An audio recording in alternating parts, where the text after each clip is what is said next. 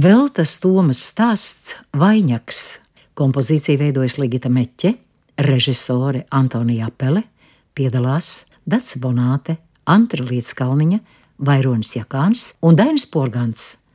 Ierakstīts 1991. gadā.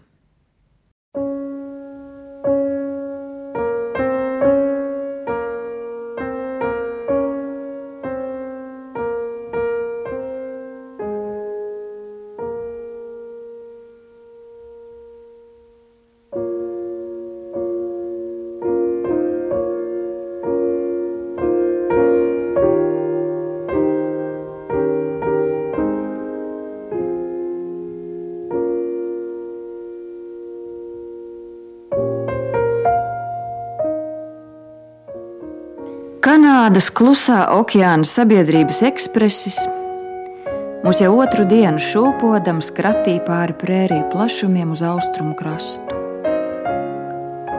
Līdzinājis ziemas lauks bija vienmuļš acīm un vedinājis naudai, klusām pārdomām un vērošanai. Man bija laimējies ar ceļa biedreni, kur vilcienā iekāpa viena piestātne pēc manis, un nakti pārlaida augšējā lāvā manis neredzēta, nedzirdēta. No rīta neliela modra, sīk sprogot iesirmu galvu, bet vēl svaiga no sejas, viņa kustējās un posās dienai ar jauneklas enerģiju, āgri mani uzrunādama ar tik latviešu, angļu akcentu, ka nepārjautājot atbildēju latviešu mēlē: Paldies, es gulēju lieliski! Vārds pa vārdam, un mēs bijām iepazinušās, pasakot savus vārdus. Viņa saucās Elza Vilkābele. Es domāju, ka tas ir rets un skaists vārds, bet īpašniece dzīrās skaidrot, ka par daudz neizrunājam šejieniešiem. Nevienā kanādiešu birojā, kur viņa nodarbināta, citādi nesaukta kā vilks. Tā arī pavalsniecība pieņemot būšot jāpārkristās, taču skanot vistuvāk viņas pilnajam vārdam - kaut bez ābeles. Tikušas pāri vārdam, Mēs kopēji pabrokastojām. Pēc atsēsdamās īpašā vagona jumtā ierīkotā novērošanas telpā, kur pa stikla jumtu un logiem pasaule atvērās skatam pilnībā uz priekšu, sāniem un augšu. Vilkābeli no platās rokas somas izvilka aizsāktu adīkli, to gan tūlīt nolaidam klēpī. Necerēju, ka satikšu latviešu ceļa biedreni. Ja ar iezīmiešiem jārunā tikai pašas runāšanas dēļ, par laiku, tad labāk nokaru degunu adīklī un klusēju. Bet klusētāji viņi nerādījās. Varbūt ilgi bijusi vientuļa, viņa nulē atdarījās pret svešu klausītāju. Drīz vien es uzzināju, ka viņa dodas pie māsas dēla ģimenes par saimniecības vadītāju. Vismaz pagaidām kamēr atradīs piemērotu biroja darbu vai iekārtosies. Ziemas saule, izlīdusi no balti viļņotiem mākoņiem, spīdot sniegā, žilbināja acis. Un tās tumšām saules acinēm aizsegusi, Vilkābeli drīz vien bija nesenā pagātnē, rietumos, kalnu piekājietā, sakot man bijušos kaimiņos. Gribētos ar viņa smuti, atkārtot stāstu, ko turpmākajās ceļojuma stundās ar interesi noklausījos. Elza Vilkābele nogrima savā stāstā laikā un vidē pilnīgi, un es viņu nepārtraucu ne ar jautājumiem, ne apstiprinājumiem. Viss sākās ar vainagu, Jāņu vakarā vītu. Mēs gan bijām vienīgie latvieši mūsu darba vietā starp septiņiem simtiem kanādiešu, bet pīts mani nepazina. Es gan pēc vārda pazinu ik darbinieku, jo kārtoju kartoteku. Tā jau pašā iesākumā, apmēram pirms gada, man bija zināms, ka Pēteris Purviņš, saukts Pīts, bija dzimis Tukumā, precējies, ieceļojis kā viennieks, un maija pirmajā dienā kļuvis 51 gadu vecs. Darba kolēģis man piezoboja. Jūs esat atraitne, viņam sieva, kur gadus kā vecajā zemē palikusi. Ko neiet kopā? Būs laika biedrs, ja ne vīrs. Piebilsdamas, augstu jūs, Elsī, savu degunu ceļat, ko ne jaunu cēlu, nekā bet cilvēks pierod viens pats dzīvot. Kur tie gadi, kopš man nomira vīrs? Tik ilgi biju labo un ļauno dienu viena palaidusi, lai es pēkšņi un ar skubu mainītu savu skaisto vientuļnieces dzīvi, pret kurām katrā mūzām. Un tomēr vienu dienu, kad pīts ārpusē krāsoja biroja priekšnama durvis, man gadījās iet uz pasta kantori otrā ēkā. Durvīs pieklāja garām palaista angliski pateicos un piebildu latviski. Dievs palīdz. Kad pēc labas pusstundas nāca atpakaļ, pīta tur vairs nebija. Bet kolēģis vidžināja kā bezdelīgas, ko tu pītam garām ejot pateici. Viņš stāvēja kā sālstaps minūtes piecas, tev pakaļ noskatīdamies. Tad papurināja galvu kā neticēdams un aizgāja. Citas nesaprata. Ukrainiete gan zināja, kas ir dievpalīga došana. Arī viņu zemē ir te Kanādā tāda tautas paraža esot cieņā. Pēc pāris nedēļām bija latviešu sarīkojums. Tur aizgājusi satiku visus upes pilsētas tautiešus, skaitā ap 40. Aiz gara galda tāds kā pavārdzis un bāls, sēdēja arī pīts un sūc alu. Cilvēki zināja, senāk esot bijis bramanīgs, kad iedzēries, bet nu jau labu laiciņu sirkstot ar kādu iekšēju kaiti. Domāju, nebūšu lepna, vakara beigās piegāju, sniedza roku pāri galdam, teikdama, esam darba kolēģi. Mani sauc Elza Vilkābele. Šis esot uzzinājis pēc tam, kad es toreiz padevusi dievpalīgu, tūlīt gājis pie priekšnieka tā un tā te vajagot būt vienai latvietei. Uzšķīruši darbinieku sarakstu, meklējuši kādu neizrunājamāku vārdu, kā tad Pīts sapratis, ka vilkābele ir latviete. Neko vairāk neteicu, kā saka, nu tad jau redzēsimies darba vietā. Bija pienācis Jāņu vakars.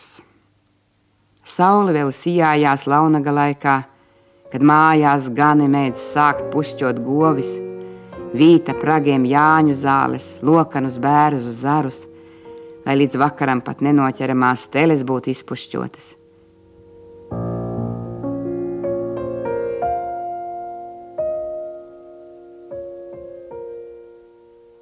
Mēs trijās četrās mašīnās virzījāmies pa stāvgrūdām pilnu sestdienas ielu uz svētku ielūgumā minēto sapulcēšanās vietu, lai tad kopīgi dotos ārā no pilsētas.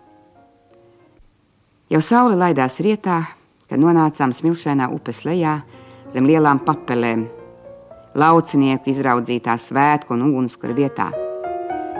Vīri skrīda sausāņu salasīt, mēs sieviešu purvainā pļavā pēc jāņu zālēm.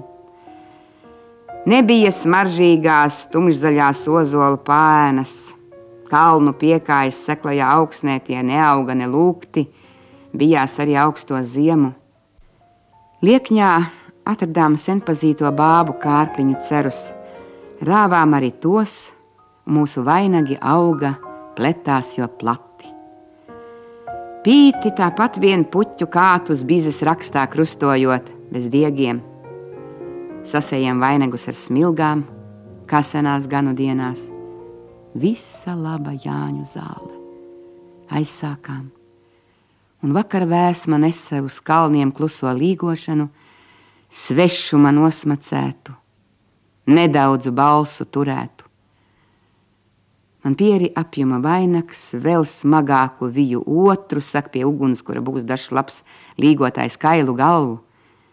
Jāņa vakarā jāpušķojas kaut arī svešumā.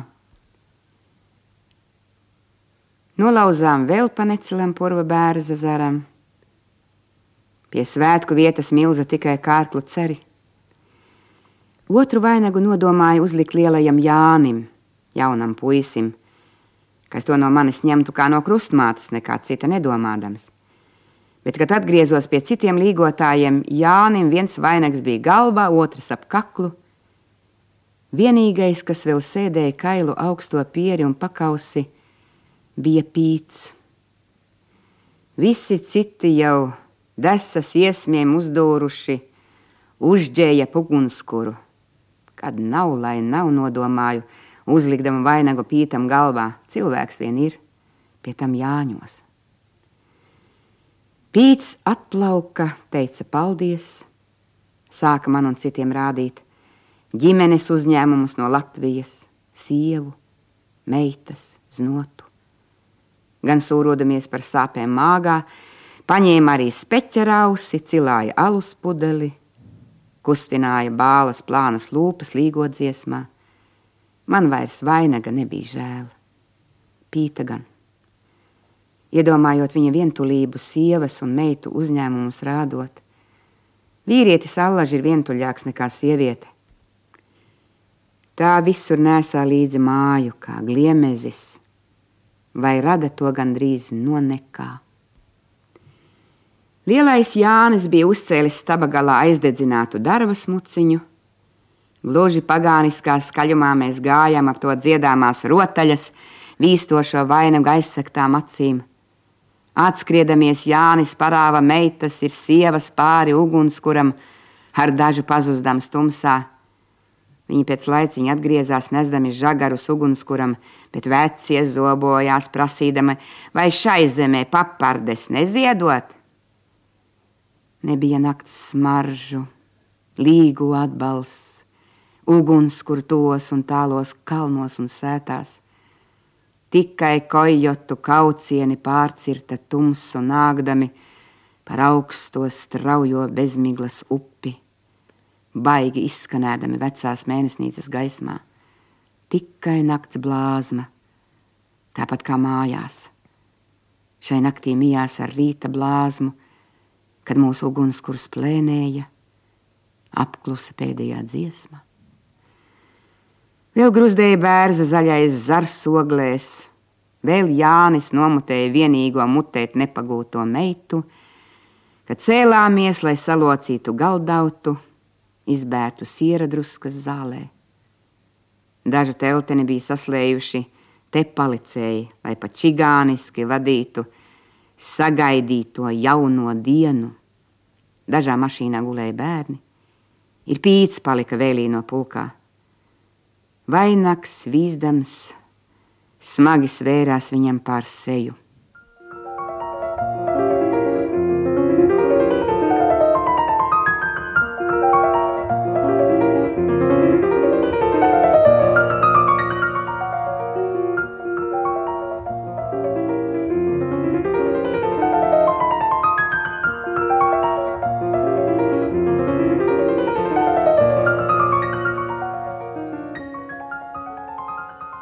Pāris nedēļas bija pagājušas, kad kādu rītu kārtojot kartoteku, durvīs dzirdēju klusu labrītu.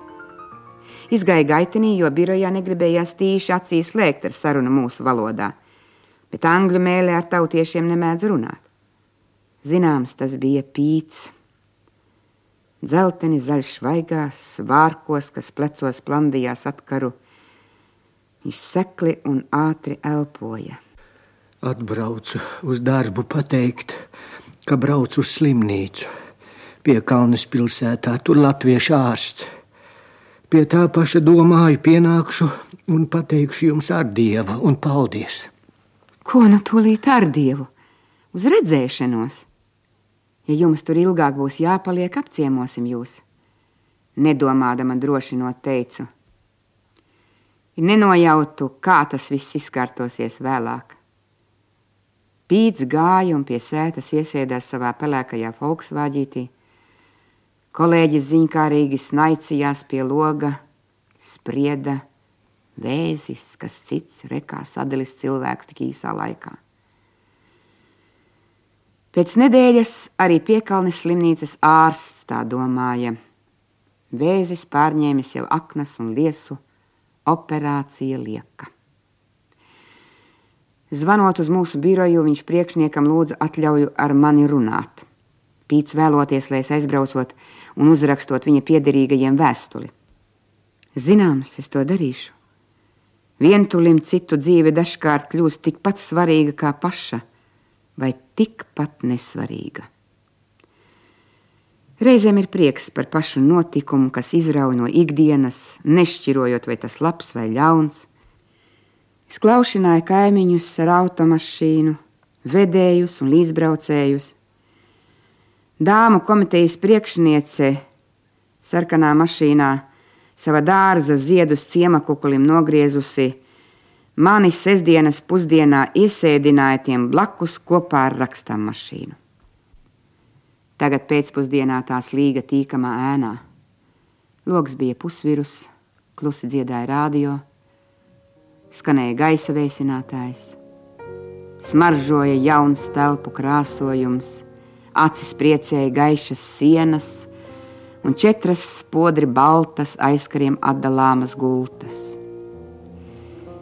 Vienā no tām tikko sazīmējams un pazīstams bija cieši aizmidzis pīts.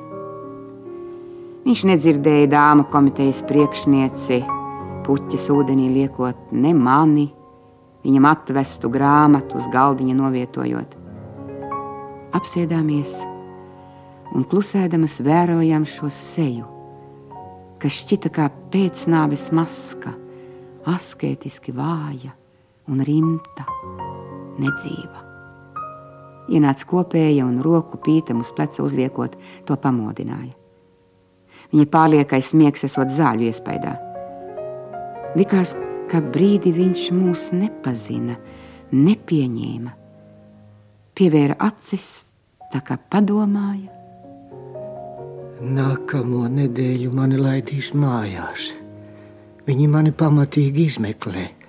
Un, ja operācija nebūs vajadzīga, es varēšu veseļoties mājās. Vai tad vēstuli jūsu ģimenei nerakstīsim? Es atvedu pat rakstām mašīnu līdzi. Jā, es gribēju, lai jūs rakstāt maniem piederīgajiem tad, kad ārsts teica, ka man ir vēzis. Gribēju to paziņot ģimenei, lai vai kā. Bet otrā dienā ārsts atzinās, ka esot laikam kļūdījies analīzes nekā tāda nerādot. Pīts ticēja tam, ko teica. Man tas viss izklausījās aizdomīgi. Izgāja gaitenī, meklēja dežūrējušo māsu. Laipni lūgta tā man aizveda pie slimnīcas galvenā ārsta itālieša. Tas nolika sāņus pusi dzerto kafijas tasi, uzmanīgs sekoja maniem jautājumiem. Jā, vispārējais, pa visu organismu izplatījies, pat asinīs iezīdies vēzis. Bija ārsta atzinums. Uz mani izbrīnu, kādēļ viņi tagad to grib slimniekam slēpt. Viņš teica, taktika. Gan jau pienāks brīdis, un jo drīz, kad viņam to teiksim. Es atgriezos istabā ar apņemšanos. Jūs paliksiet varbūt vēl kādu laiku slimnīcā, Šur braukdams droši vien nesat neko savai ģimenei ziņojis. Vai nebūtu labāk, ja es jūsējiem kaut pāris rindu jūsu vārdā aizsūtītu? Tur mājās viņi gaida, bažījies bez gala. Tas laikam būtu prātīgi darīts. Jā, sakiet, ka es pats viņiem drīzumā rakstīšu garu vēstuli.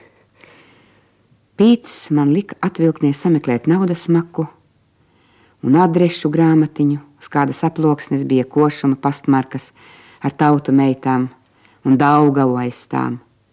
Sekoja gara nosūtītāja adrese, saugdama atmiņā pārdaugavu ar Jēlgavas šoseju.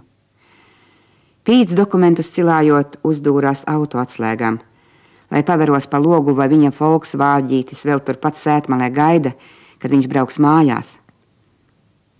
Sīkstā dzīvot gribēšana. Vakarā es rakstīju īsu vēstuli uz Latviju. Teicu, ka Pēteris Purviņš ir ievietots slimnīcā, lai izmeklētu viņa sūdzības par kādām ilgstošām sāpēm, ka šī izmeklēšana drīz būs galā, un tad viņš pats rakstīs garu vēstuli. Kalni ir skaisti, es piebildu, un slimnīca moderna, kanādiešu un latviešu ārstu aprūpēta. Slimnieks gaidīs vēstules uz tādu un tādu adresi. Pētera Purviņa uzdevumā E. Vilkābele. Darba vietā man pirmdien bija jāiet pie priekšnieka, jāziņo, kādā stāvoklī es nedēļas nogalē biju atradusi pītu. Arī par materiālo pusi bija rūpes, jo pītam nebija slimnīcas apdrošināšanas. Viņš bija žēlojis dolāru un 25 centus ik mēnesi. Otra apdrošināšana sedza ārsta honorārus un operācijas. Tā kā viņš nebija viss gājis uz upes pilsētas slimnīcas vēža klīniku, bet izvēlējies jauno slimnīcu piekalnē, tad arī šīs ļaunās skaitas ārstēšana viņam par brīvu nepienācās. Priekšnieks cilāja slimnīcas lēses. Divu nedēļu atvaļinājums ar algu bija izmantots, nu bija jārūpējas, lai galvenā pārvalde apstiprinātu vienu mēnesi apmaksāta slimības atvaļinājuma. Ko tālāk? Redzēs! Šī bija katrā ziņā īpaša pretīm nācība, ko reti pieredzēja pat vietējie, kur nu vēl iebraucēji. Nezinu, vai pīts to sava skaitas plosīts apjēdza. Slimnieki pa laikam ir patmīlīgi, bet man par šo palīdzību sila sirds. Priekšnieks, kā jau anglis, bija burta kalps un arī ļoti praktisks. Steidzīgi jānokārto pīta testaments, lai nabaga sievai aiz dzelzs priekškara ne šai bagātajai valstī krīt vismaz pīta dzīvības apdrošināšanas prēmija. Priekšnieks vēlējās, lai es uzņemos šīs testamenta lietas kārtošanu, reizē pārtulkodama no angļu uz latviešu valodu, ja pītam, kas mestos. Kā pavadonis un otrs testamenta apliecinātājs tika minēts krāsotāja meistars Džons, pīta tiešais priekšnieks. Tika iesaukts Džons, drukns, vecīgs, bet spēcīgs vīrs, ārā gaisa rūdītu rudu seju, kas likās it kā ietraukājusi, raupja kā mūža vecam krokodīlam. Priekšnieks minēja mūsu uzdevumu testamenta lietā, zināms, norādot, ka mūsu daļa bija dabūt pīta parakstu, nemodinot viņā nekādas aizdomas, ne bažas. Džons, piekrisdams māju ar galvu, Mans teikšus bija jāsagatavo vairākas testamenta veidlapas, uz mašīnas ierakstot pītas sievas vārdu attiecīgās ailēs, kā arī ar krustiņu atzīmējot vietas, kur pītam jāparakstās. Jo vairāk es par šo uzdevumu domāju, jo skaidrāk nopratu, ka pasakāms tas ir vieglāk nekā izdarāms. Aizēj pie mirstoša cilvēka, pie tāda, kas par nāvi dzirdēt negrib un paprasi viņam parakstu uz testamenta. Mums tas bija jāizdara. Nākamajā pēcpusdienā Džons piebrauca savu pussmago auto pie biroja durvīm, aicināja man iekāpt, atvainodamies, ka tas nav limuzīns. Es pasmējos. Esmu laucinieci, nebēdājiet, Džon, man būs ērti. Pāris stundās mēs sasniedzām skaisto piekalni. Darāt tas kafijas, ko. Pievienojos, neizpausdama, ka pēc apmeklējumiem pie pīta es stundām ilgi nespēju ne ēdienam, ne dzērienam pieskarties. Visur nāca līdz tā īpatnējā vēža slimnieka piesmaka, par ko man bija stāstījusi kāda rengena māsa. Varbūt tie bija nervi. Kaut domājos sevi kara un bada diezgan norūdītu. Mēs malkojam kafiju, Par testamentu mēs arī tagad nerunājām.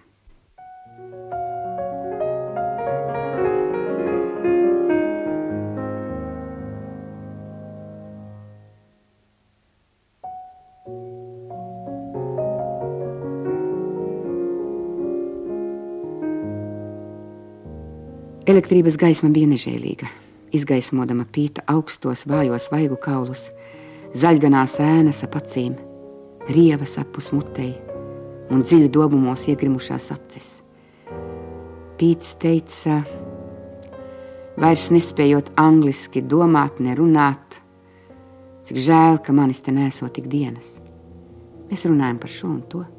Viņš pat pasmējās par vecīti kaimiņu, kas izrakstīts no slimnīcas, tomēr negribot iet mājās, tik ļoti pieredzis pie baltā miera un kārtības un kopēji jaunajām rokām. Viņš pīts turpretī ietu kaut rīt ar alus kasti pie manis ciemā, teiktu paldies par apciemojumiem slimnīcā. Pītam nebija aizdoma redzot viņa tiešo priekšnieku un mana reizē kopā. Te mēs bijām no darba vietas reizē atbraukuši ciemā, tas viss. Aizdomas viņam neradās arī, kad Džons pēkšņi bez sazināšanās ar mani un bez ievada teica: savā ziņā mums tā darba vieta laba, gādīga, bet savā ziņā arī nu, dūla, nu, dienu. Padomā, pīt, ko viņi izdomājuši. Mums visiem tagad jāuztais testaments un darba vietā jāizsniedz tā noraksts, norādot, kam novēlēt dzīvības apdrošināšanas prēmiju. Ai, lādēdamies nu pat beidz izgatavot savu angļu birokrātiju vairāk nekas. Jā, es arī izgatavoju testamentu. Novēlēju apdrošināšanas prēmiju māsas dēlam. Tuvāku radu man nav. Domāju, no darba vietas tas ir gudri domāts jauns likums. Labvēlīgs darbiniekiem. Šo visu bijām runājuši angļu valodā. Pīts brīdi mirkšķināja acis. Ko jūs saprotat ar last will? Vai tas ir testaments? Jā, tā to angļu dēvē. Latviski tas ir testaments. Žēl, ka es te slimodams esmu kavēts tādu izgatavot. Bet priekšnieks domāja arī par jums, Pīt. Man ir līdzi dažas testamenta veidlapas. Džon, Pīts vēlas izgatavot testamentu. Vai jūs apliecināsiet viņa parakstu? Oh, tā ir vēl šī laba doma, Pīte. Nolādēts, ja es labprāt neapliecinātu. Uzkužināju Pīta pagalvis stāvāk, nostatīju viņu kā pussēdus, vāju un vieglu pavilkdama augšup. Pīta pieri norasoja, elpa elsaini pieņēmās, Spalvas kāds ļodzījās viņa dzeltenajos pirkstos, kad viņš drebelīgi vilka burtu zīmes norādītajā vietā. Vienu, otru, trešo lapu zem pīta rokas palikdama, es nezinu, kādēļ klusām un automātiski skaidroju. Domāju, varbūt jūs vēlēsieties testamentu parakstīt kā mēs visi – Nezināju, cik drīz atkal atbrauksim, tādēļ sagatavoju šīs veidlapas. Arī jūsu sievas vārdu ierakstot. Jauns kāpnes un jaunas otras es tev pasūtīju, Pīt. Teicu, zēni no slimnīcas spīdz pārnāks tikpat kā jaunpiedzimis, izgulējies, atpūties. Ar vecām otām viņš negribēs krāpēties. Nu, nu, tu tiks saņemies un vienrīt pārsteidz mūs ar savu ierašanos darbā. Veltīgi mēs bažījāmies, veltīgi runājām. Pīts mūs nedzirdēja. Galvu piekrišanā mehāniski klanīdams uz trešās lapas tikko salasāmu kricelējumu patriepis, viņš atkrita spilvenos, bez spēka aizvērdams acis. Nekā viņš nesaprata.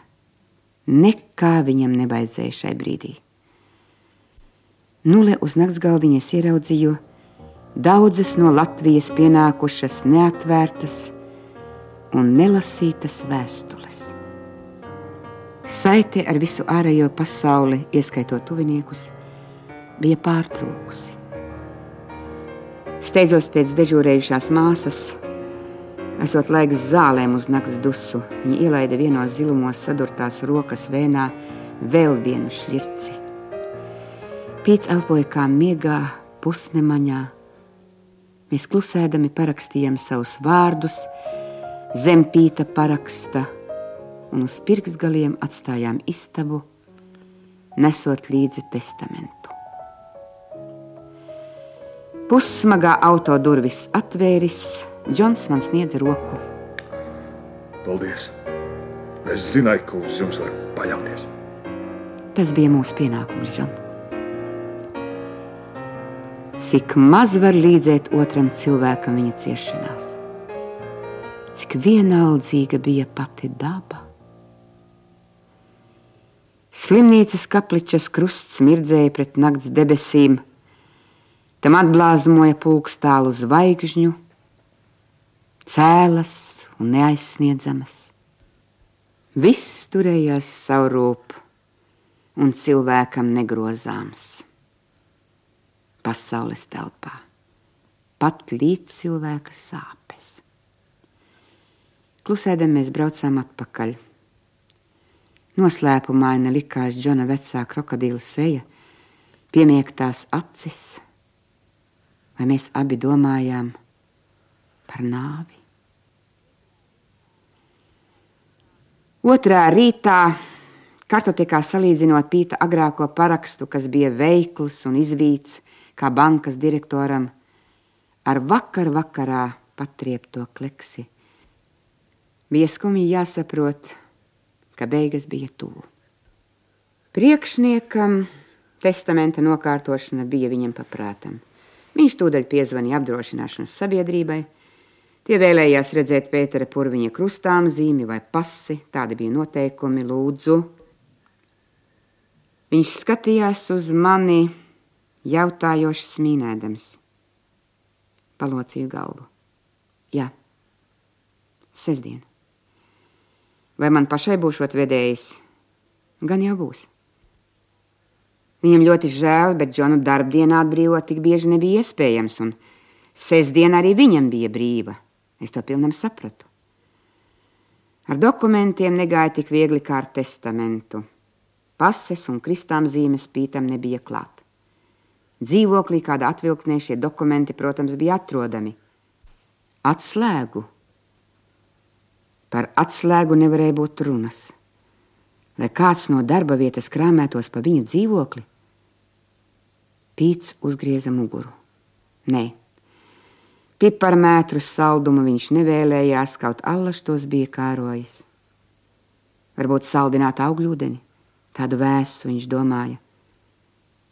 Arī puse no tā izlīja atpakaļ no bezzobu mutes kaktiņiem. Viņa skaistie liekie zobi bija izņemti un novietoti glāzē uz loga. Tik slims viņš bija. Pacietību. Ko viņi ar to pasi vai kristām zīmi grib darīt? Apdrošināšanas sabiedrībā apstiprināt testamentā pieminēto prēmijas mantinieku. Ikvienam darbiniekam bija jāgādā un jānes uz darbu ir šāds dokuments. Ja es jums dotu atslēgas, tikai jums, un jūs tās nenozaudētu un atnestu tūlīt atpakaļ, Vai jūs apsolītu, ka nevienu no darba vietas jūs tur iekšā nelaistu? Pīts čukstoši šļupstēja manā spilvenām pietuvinātā ausī, pēkšņi slēdzās uz elkoņa un kratīja roku pret durvīm, kur bija parādījušies pāris glumu, smaidīgu debesu sūtņu. Ārā Projām viņš tiem rādīja ar zīmēm, sākdams klepot un gārkt. Es vēl nedomāju mirt, ko tie kraukļi te meklē. Viņi mani neglābs no nāves. Nekā, ko dzīvē darīs, es nenožēloju.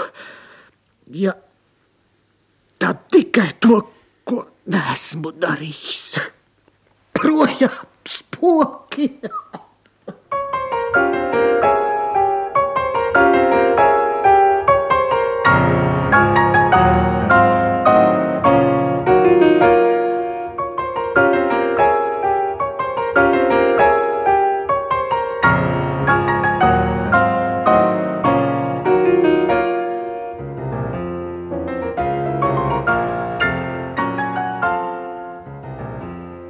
Mierinādama uzliku roku viņa plecam. Pirksti aizskāra trīcošus, tikai ar ādu pārvilktus kaulus. Pīts rādīja uz atvilknes pusi, atnesu maku dokumentus un atslēgu sēšķi. Acis mirkšķinādams viņš sazīmēja pareizo atslēgu pāri un lika man tās nokabināt savrūp. Glabājiet, atnesiet drīz atpakaļ iespieda man krišus saujā.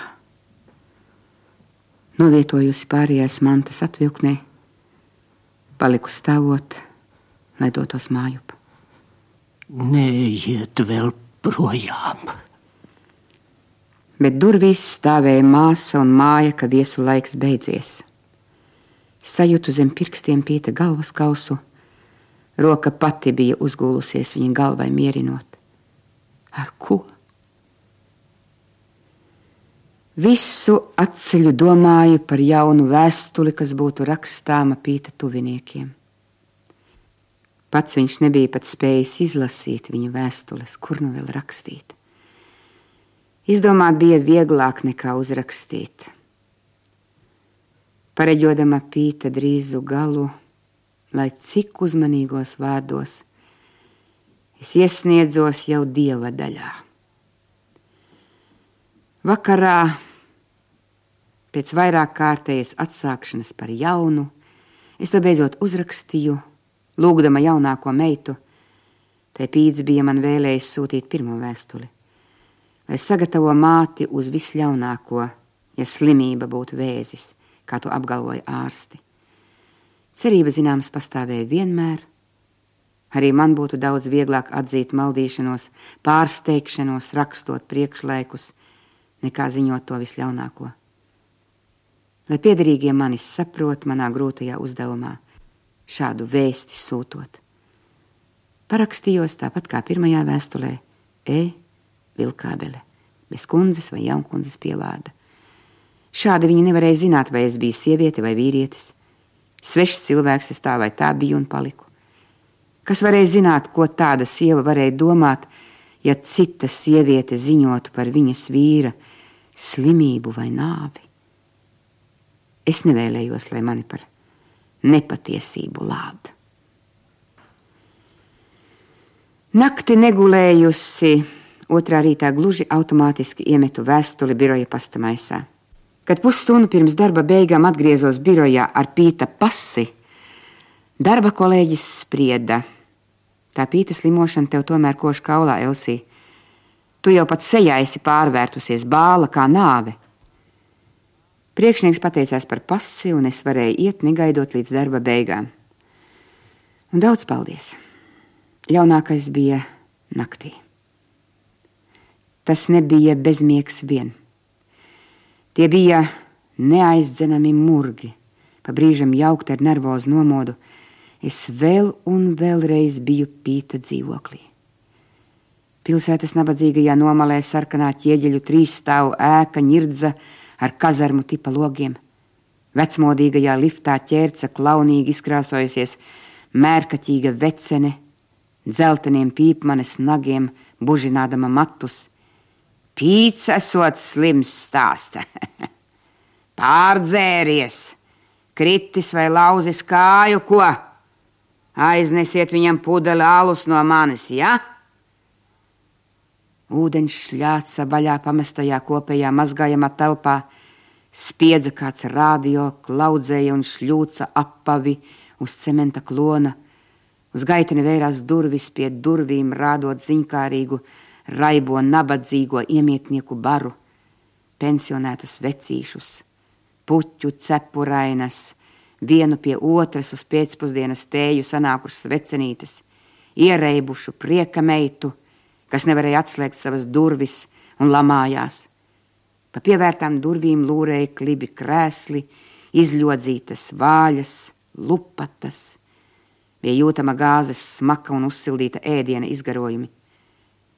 Bailes, slēdzot pīta durvis vienai un neveikliem pirkstiem ar drebošu atslēgu. Automašīnā atstātais Džons, lai gaida nevienam, nevienam citam te nebija nākt, bija lūdzies pīts.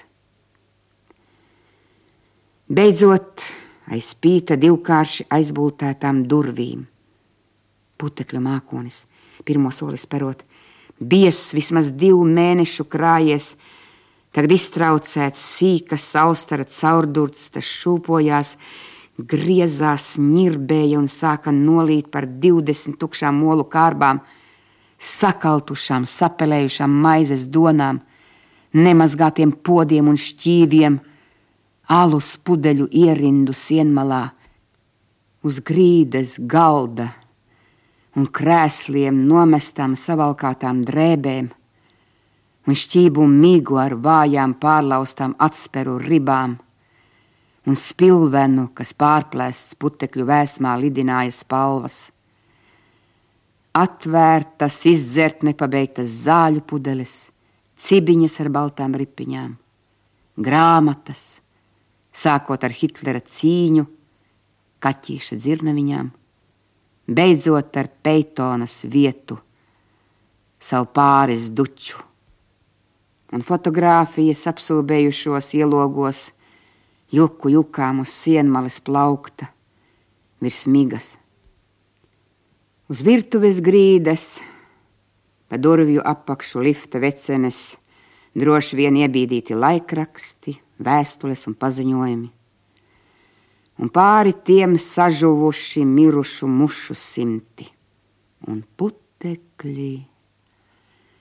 Putekļi visur, arī uz rokām, arī gultā. Tagad naktī šņirkstēja putekļi no pīta dzīvokļa. Bija jāceļas, jāiet nomazgāt rokas.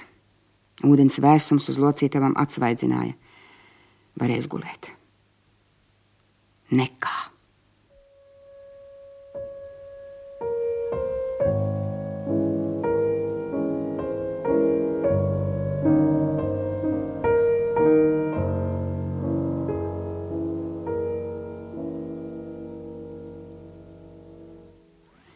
Tīrām rokām pusmiegā, pusmurgā bija jāšķiro dokumenti atvilknē. Automobīļa apdrošināšanas papīri, trīs bībeles, ar zelta apmalēm, ādas vākos, ar debesu sūtņu sektas ierakstiem pītam, kupls tumšs matu cekuls.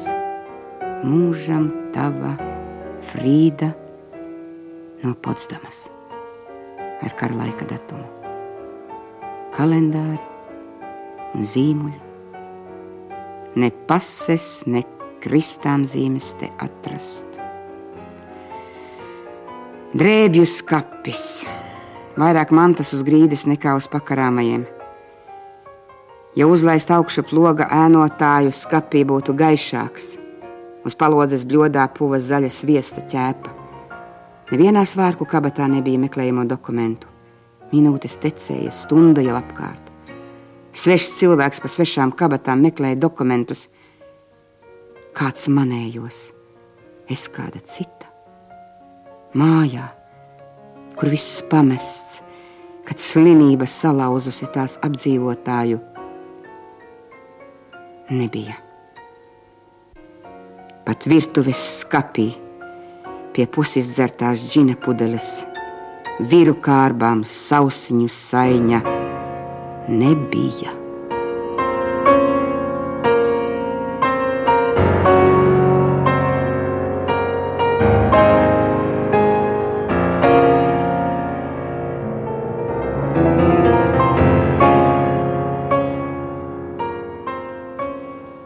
Durvis bez trokšņa atdarījās, spīdēja mazās Džona krokodila acis, rudās seja Viebās smaidā, nācis lūkot, ko bažīdamies gaidīs tik ilgi. Džona acis pārliekāja virtuvei, re, plauktā petrolijas pavārdiņš no vecās zemes gan. Galvu ķīlā tādu te ar uguni neatrast. Tādu Džonsen kāroja savā makšķernieku mednieku gaitām. Zināms, ja pīts mirtu par piemiņu, bet ar dievu palīgu dzīvos. Petrolijas pavardiņš dūmoja necilas Rīgas jūrmalas melužu vasarnīcas lievenī. Jūra šalcais kāpām, kāds steidzās no stacijas, svilpa vilciens.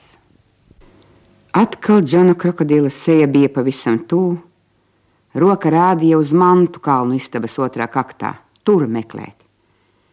Zem saplēsta raiba galdauta divas vecas samta vestes, nospeķot tvīda auduma svārki. Ķēriens kabatā, spīdoša veca brūnas ādas kabats grāmatiņa ar Rīgas torņiem uz vāka, prievītes rakstu apmalā. Iekšpusē pase, pase rokā.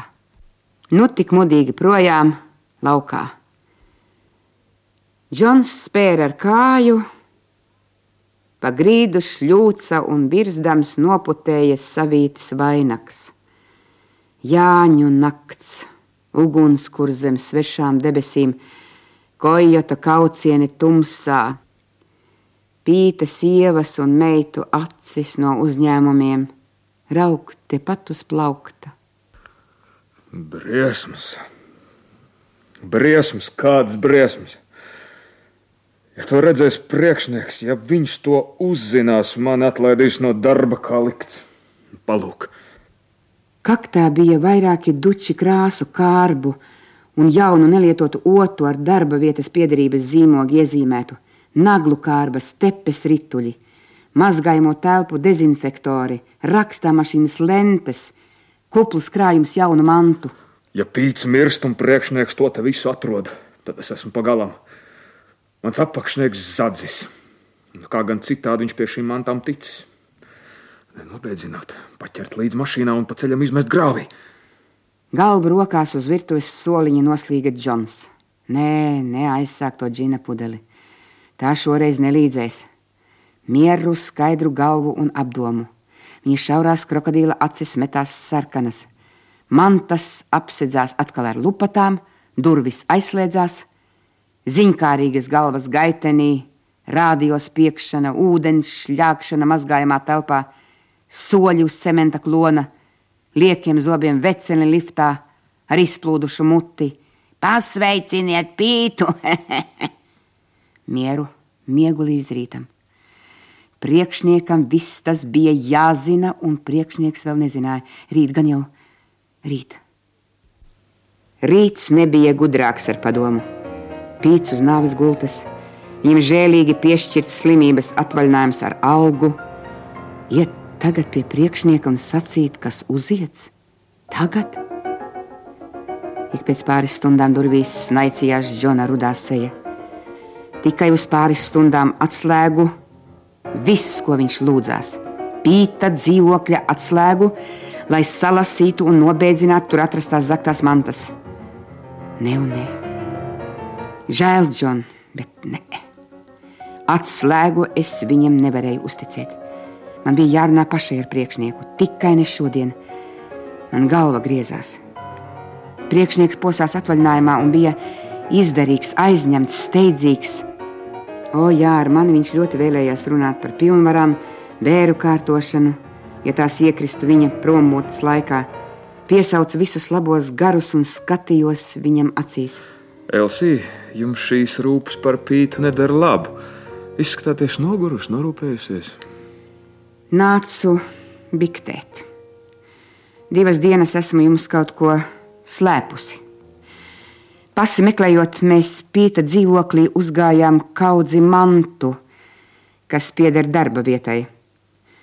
Džons mani lūdza jums to nesacīt, baidīdamies zaudēt darbu. Viņa nodoms bija mantas paņemt un izmest kādā grāmatā. Kā pītam solījusi, atslēgu es viņam nedevu. Mantas ir turpat dzīvoklī. Priekšnieks aizdedzināja cigāru un likdams pirkstgalus kopā, brīdi spēlējās ar tiem un domāja. Ak, šis Džons, šis svētulis Džons. Nomest mantas grāmatā. Ja tās ir krāsas, tad tā viņš arī pat krāsot savu māju. Ak, šis vecais laps, cik daudz viņš pats ir ievilcis savā midzenī. Viņi zog, viņi visi zog, un nevar noķert. Sardze neprot noķert. Pīts ir kara izpostīts, samalts un zaudējis daudz. Varbūt ar pītu tā lieta nav laba, saprotiet. Mēs viņam palīdzējām, cik vien spējām. Ja uzzina mūsu galvenā pārvalde, ka esmu saudzējis un neziņoju viņiem par šo mantu piesavināšanu, ne tā lieta nav laba. Man jāpārdomā. Bet Džons, šis vēlna Džons. Sēdēju, jo nebiju atlaista iet. Zvanīja tālrunis. Abadīšanas aģents. Es viņu sūtīju uz piekalnu pieteikt savus abadīšanas pilnvaru slimnīcā. Viņš tur nonāca taisni laikā. Pirms stundas miris pīts.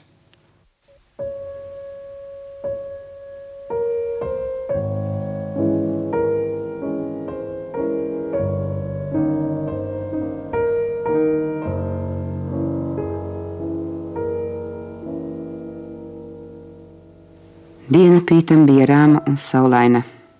Viņš adusējās, atpestīts no ciešanām, tērpts savā labākajā drēbju kārtā, starp ziedu pušķiem un karoga lentēm pušķotiem vainagiem.